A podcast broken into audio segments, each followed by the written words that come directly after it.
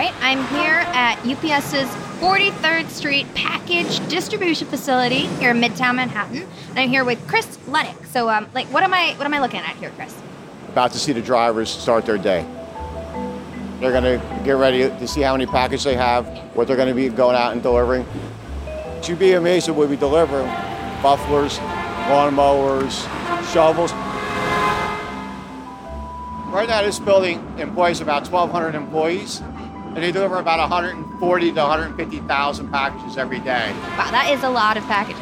And the neat thing about this is this is happening in Georgia, it's happening in Massachusetts, New Jersey.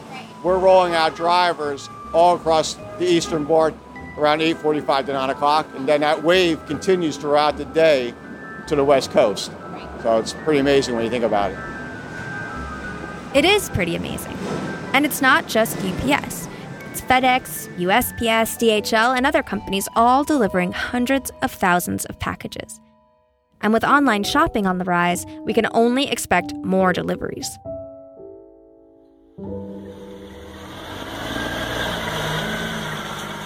Every day, drivers are out battling rush hour traffic, maneuvering through hectic city streets with big trucks, and when they circle for parking, they're emitting exhaust. Trucks account for about 22% of all transportation emissions in America. Plus, they're the single largest contributor to freight related air pollution. For the sake of our cities and our planet, things have to change. The future of delivery won't be loud and big and polluting. It'll be small, quiet, more sustainable. That's why companies like UPS are already experimenting with things like electric delivery vehicles and cargo bikes. There are other ways delivery could happen in the future, so that your package could eventually find its way to you, maybe even on its own.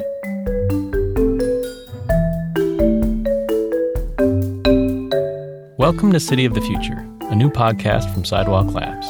Each episode, we explore one idea or innovation that could transform our cities. We're your hosts. I'm Vanessa Quirk. And I'm Eric Jaffe.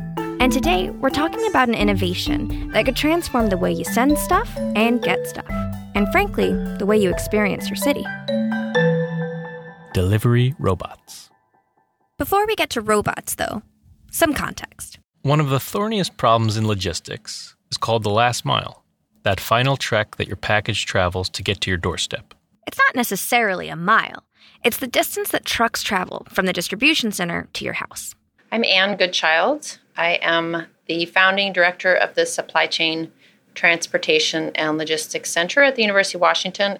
Anne's been focused on what happens after the truck pulls up to the curb, an even more complex slice of the last mile, the final 50 feet. Typically, that means you know, driver getting out of the vehicle, obtaining the goods, navigating his way across a sidewalk into a building to the receiver's location, handing off that delivery, getting the signature, and then returning to the vehicle. So that space is what we define as the final 50 feet. Even if everything with a delivery goes according to plan, the truck is still just sitting idle on the street for a period of time. That's what experts like Anne call dwell time. It's not good for the driver, it's not good for the cyclist trying to get past this double parked truck, and it's not good for the environment either if the truck is idling. Plus, as any driver knows, there's a million reasons why the final 50 feet of a delivery won't go according to plan. That last 50 feet was something that drivers learned about and made choices about on their own, right? They knew which door to go in, they knew what the security procedures were at each building. They knew which spots you couldn't back out of and therefore should avoid. You know, there's a lot of just the, the driver knowledge. But not even the most knowledgeable driver can solve the problem of no one being home. The driver intends to deliver the package. He goes through all those steps. He parks the car. He picks it out of the back of the vehicle. He walks to the destination, and he cannot make that drop off. And then, you know, has to repeat that attempt on another day. So it's like missed connections on Craigslist. yeah, true. Small brown package. Right. Saw you. you. Leaving your office. exactly. Anne has a surprisingly simple solution for long dwell times and failed deliveries lockers. The locker provides a smaller number of places that the driver has to go. It can be easier to make clear to drivers where they're supposed to go if there's one location in that building. It's much faster for the driver to get from, you know, his vehicle to delivery to back to his vehicle, and that reduces the amount of time that the truck sits idle on the street. Anne discovered just how much faster this is when she put some lockers in Seattle's municipal tower. We reduced the dwell time by 78%. Oh, whoa. That's a big, big difference. Yeah, and we had we had no failed deliveries after we implemented the Wow. locker. Yeah, so tremendous, right? Right. And uh, what about the folks who worked in the building who were getting these packages? The reasons people participated were, you know, this anxiety you have when you're waiting for a delivery that, you know, oh, like sh- can I go shower now or oh my gosh, no, you know, no, they're going to knock on the door as soon as I get in there or, you know, you you take one phone call and it goes to voicemail and you don't realize that they're calling. So from a receiver's point of view, they increase confidence that you will get your delivery on time. From a carrier's perspective, they reduce the cost of delivery. From a city's perspective, they reduce travel demand and dwell time. You know, everyone has a slightly different perspective, but it's positive uh, for all of them. So it makes sense why lots of buildings are starting to experiment with putting lockers in their lobbies or basements or mailrooms, and why some new buildings are having them built in. And why they're showing up in places like grocery stores. Amazon's got lockers now in Whole Foods. And Amazon has also started delivering packages straight to the trunk of your parked car. So a locker doesn't need to be a stationary thing, I guess. Exactly. And that's an idea that has some folks at Sidewalk pretty excited. I would love to put some wheels on these things. That's Sandra Rothbard, our delivery expert here at Sidewalk Labs. She's been thinking a lot about the way lockers could get to more people more easily. It'd be great if they were on wheels so that they can be located next to a transit stop during rush hour, move over to the park during lunchtime when everyone's going to be gathering around, make it more efficient. Where we should be putting delivery lockers are where the people are.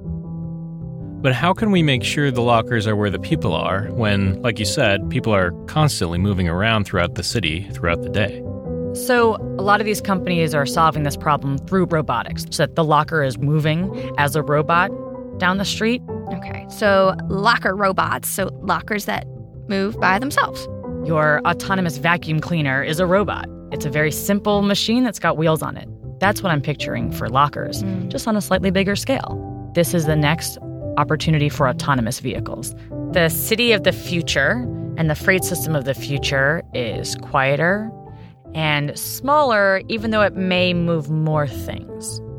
I really think that the future of this is having a locker system that is autonomous itself that we actually interact with directly. We may not have roving locker robots just yet, but we're closer than you might think. Okay, I'm trying to think of how to describe this robot. So, I- okay, it's white. Uh, okay, it's it's like a mini fridge. I was gonna, if you didn't reach the conclusion of mini fridge, I was gonna say yes. Marble is one of a few robotic startups currently testing their bots out in the wild. I flew out to Concord, California to meet the latest Marble bot and his robo handler, Thomas. Hey, I'm Thomas Koff. Uh, I am an operations specialist with Marble, and I'm here to keep the robot safe and to keep the public safe and to make sure that our robot behaves uh, politely on the sidewalks. Can we take it for a spin? Yeah, totally. Let's All get right, into it. Let's do it. Oh, you've got a remote control. A so, remote control. what does the remote Yeah. control do? The remote control uh, pilots the robot uh, and kind of selects what mode it's in. Uh, right now it's in manual mode, so I have control here. Um, and I can move it forward, I can move it backwards. It's making a turn. So you're turning it right now. I was right? turning it there, but uh, now I'll go back Now into autonomous. autonomy. Yeah, yeah. Oh, okay, it already seems to have a sense of where it's going. Oh, yeah, we've got seven by seven square blocks kind of mapped around here that we're operating in. Cool. And so, and so technically they could go by themselves, but it's because you're testing them that you have to keep an eye on them. Yep, we're here to ensure their safety and the safety of the public and property. What are the kinds of things that you're looking for? If it's driving kind of erratically or driving towards a curb, we're also concerned about politeness. We're sharing the sidewalk with people, and so if there's you know a large group of people coming, then we'll stop the robot. Or if there's you know kids or animals or something like that, we just want to be on our toes and make sure the robot is behaving nicely. And that's something we're we're building into our system. But until we get there, we want to have a human make those decisions. Well, it's making a left. That, Yeah. Was that autonomous? Yeah, yeah, that's all autonomous. Ah. Um, okay, so if I was getting a delivery and I um, I get texted a code and then I just use that code to open it up. Yeah, give it a shot. Flip to open. Here I go. There you go. And it's a smorgasbord of our photo equipment. Yeah. Uh, toilet There's also paper. toilet paper. There's a guy over here who seems like really excited. Like, hey, do you want to come take a look? Yeah, why not? Have you seen one of these before? No, I've seen one on TV, but Oh. not in real life. So if you could get a package delivered to you via robot, would you want to do that? Absolutely. Oh yeah. Cool. Thank you. Is that how most people react to the robot? Yeah, you get a lot of people that are interested in kind of the robot and, and how it works. And oh man, it's a robot. We were promised these.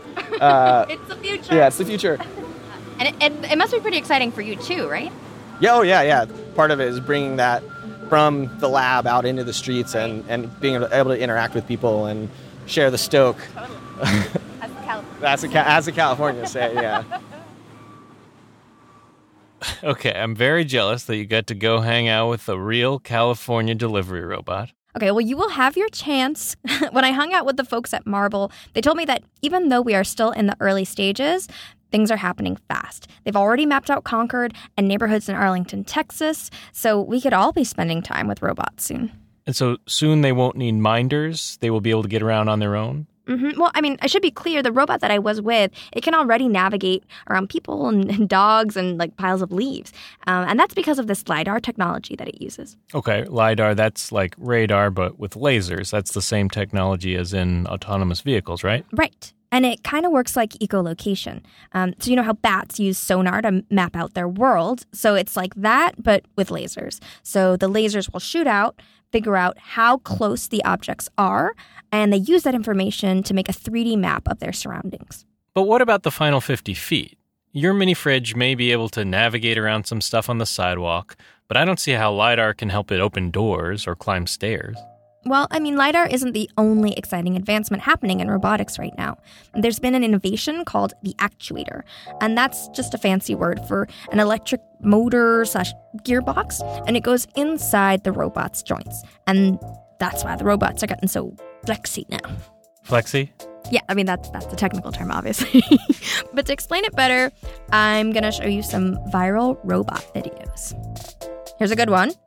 It's like a robot dog actually opening a door with that creepy claw-like It's his head face. hand. That's his, his head hand. Yes. Okay, so you've convinced me that a robot dog can open a door, probably. Mm-hmm. But what about climbing a set of stairs? Or what about getting on an elevator and pushing a button? Well, let me show you another video from Boston Dynamics. And Boston Dynamics are kind of like the leaders in viral robot videos right now. And this is one of their stars. It's a robot called Atlas. And Atlas, he's jumped in videos, he's rolled, he's fallen down, he's gotten up. And in this one, he's doing parkour. All right, so I am literally watching a robot walk upstairs, or really jump upstairs. But look at how well he jumps. Ooh, slow mo. I love the slow mo. Doing a little James Bond thing. Okay. Goodness.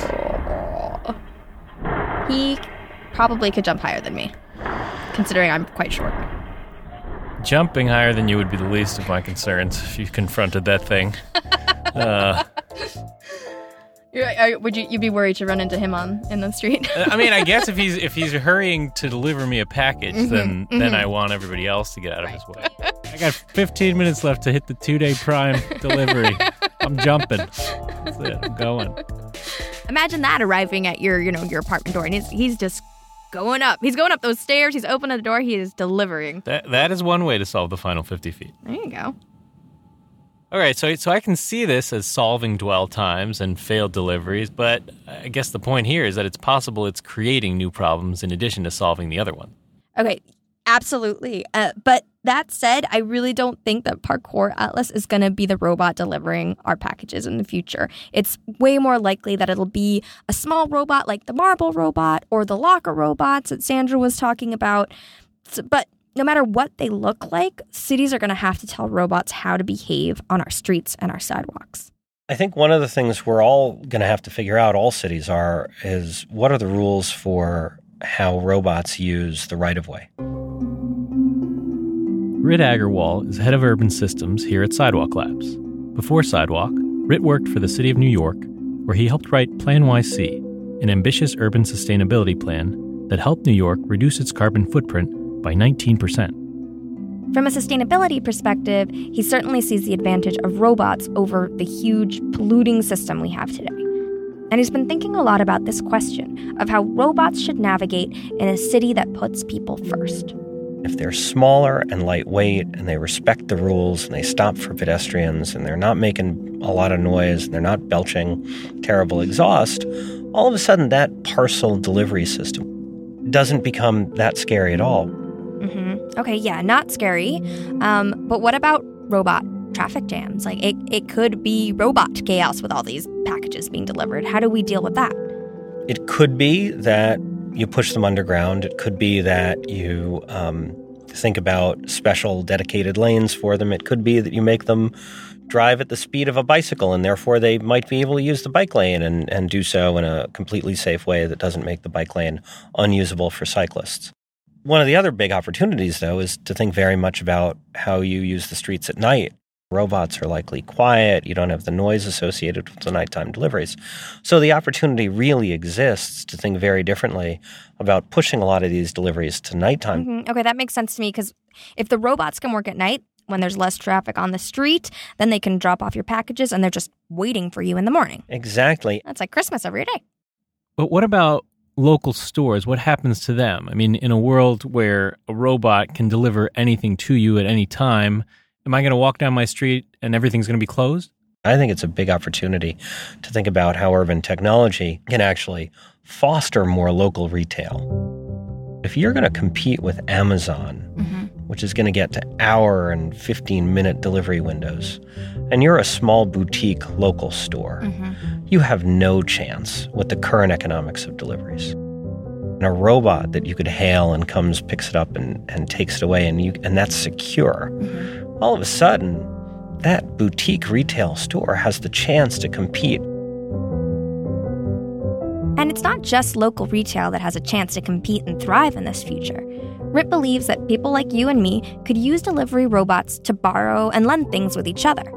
Today, uh, you know, we often think about the automobile and how infrequently it's used. Right. We've got a lot of other examples of equipment that lots of people in cities own that doesn't make any sense. Mm-hmm. Like the amount of time that a drill is actually being used is a couple of minutes a year, mm-hmm. right? For most apartment dwellers, right? It's only when you move a, a painting or something that you buy some more IKEA furniture that right. you, you use your drill, right? But still, the economics, if you say, hey, right, I want to borrow your drill, right?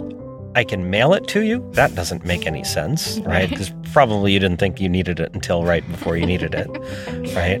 I could send it to you on like a bike messenger or something, mm-hmm. but that's going to cost as much as a cheap drill costs, right? Right. So it's not going to happen. So you're going to buy your own drill. Mm. It's a total waste of equipment, mm. right? But if for the price of a subway fare I could send it to you, all of a sudden that's a very different thing. Many cities like Seattle and Asheville are already experimenting with sharing libraries, where you can borrow a tool or a tie. But Rit thinks that a robot delivery infrastructure could be used to make these sharing libraries work on a larger scale. How do you break out of this current model of the big delivery van with a person and the risk or the need to hand off a package to another human being? And then move to a much more democratic peer to peer, out and back mm-hmm. kind of approach that does allow me to use the, the delivery robot system right. to get my packages home, or me to lend you the drill across right. town, or the boutique store owner to compete on that 15 minute delivery window, but do so across the whole city. In Rit's ideal delivery future, the final 50 feet, maybe even the last mile, are free of large polluting trucks. Instead, there's a whole infrastructure of sustainable delivery options cargo bikes, electric vehicles, and yeah, delivery robots, all ready at a moment's notice to safely deliver anything at all. We no longer have to stuff our small city apartments with things we only use once in a while. In the delivery system of the future, we could be buying less and sharing more. Which is the most sustainable option of all. Thank you for listening to City of the Future, a podcast from Sidewalk Labs.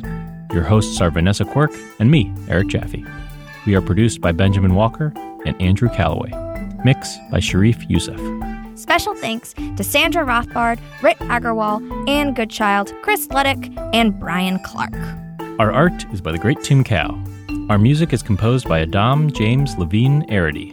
If you want to hear more of Adam's work, you can check out his band, Lost Amsterdam, at amsterdamlost.com. To learn more about Sidewalk Labs, visit our website at sidewalklabs.com, where you can subscribe to our newsletter at the bottom of the page. See you in the future.